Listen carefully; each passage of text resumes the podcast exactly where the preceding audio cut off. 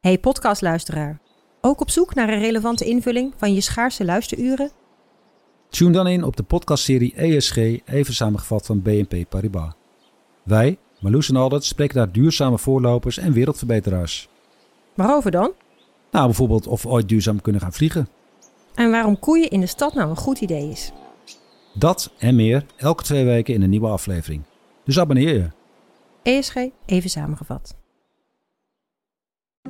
Al 125 jaar kwaliteit voor jou thuis met Miele. Dat vieren we met jou. Ontvang nu tijdelijk een cashback tot 125 euro op veel Miele-apparatuur. Geniet van de kwaliteit van Miele. Voor perfect verzorgd wasgoed en kleding die veel langer mooi blijft. Voor een stralend schone vaat, even perfect als jouw diners.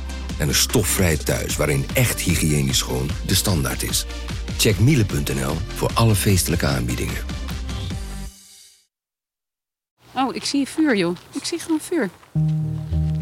Het is het grootste verhaal van onze tijd. Je staat in je boxershort, heuphoog in het water, wat heel koud is. Nederland loopt grote risico's door klimaatverandering. Kaatje, en die is dan nog maar één jaar, was eh, maanden later gevonden. In de nieuwe NRC-podcast Boven Water onderzoeken we wat Nederland te wachten staat. Bijna 60% van ons land kan overstromen. De kans dat er bij natuurbrand in Nederland slachtoffers vallen is heel reëel aanwezig.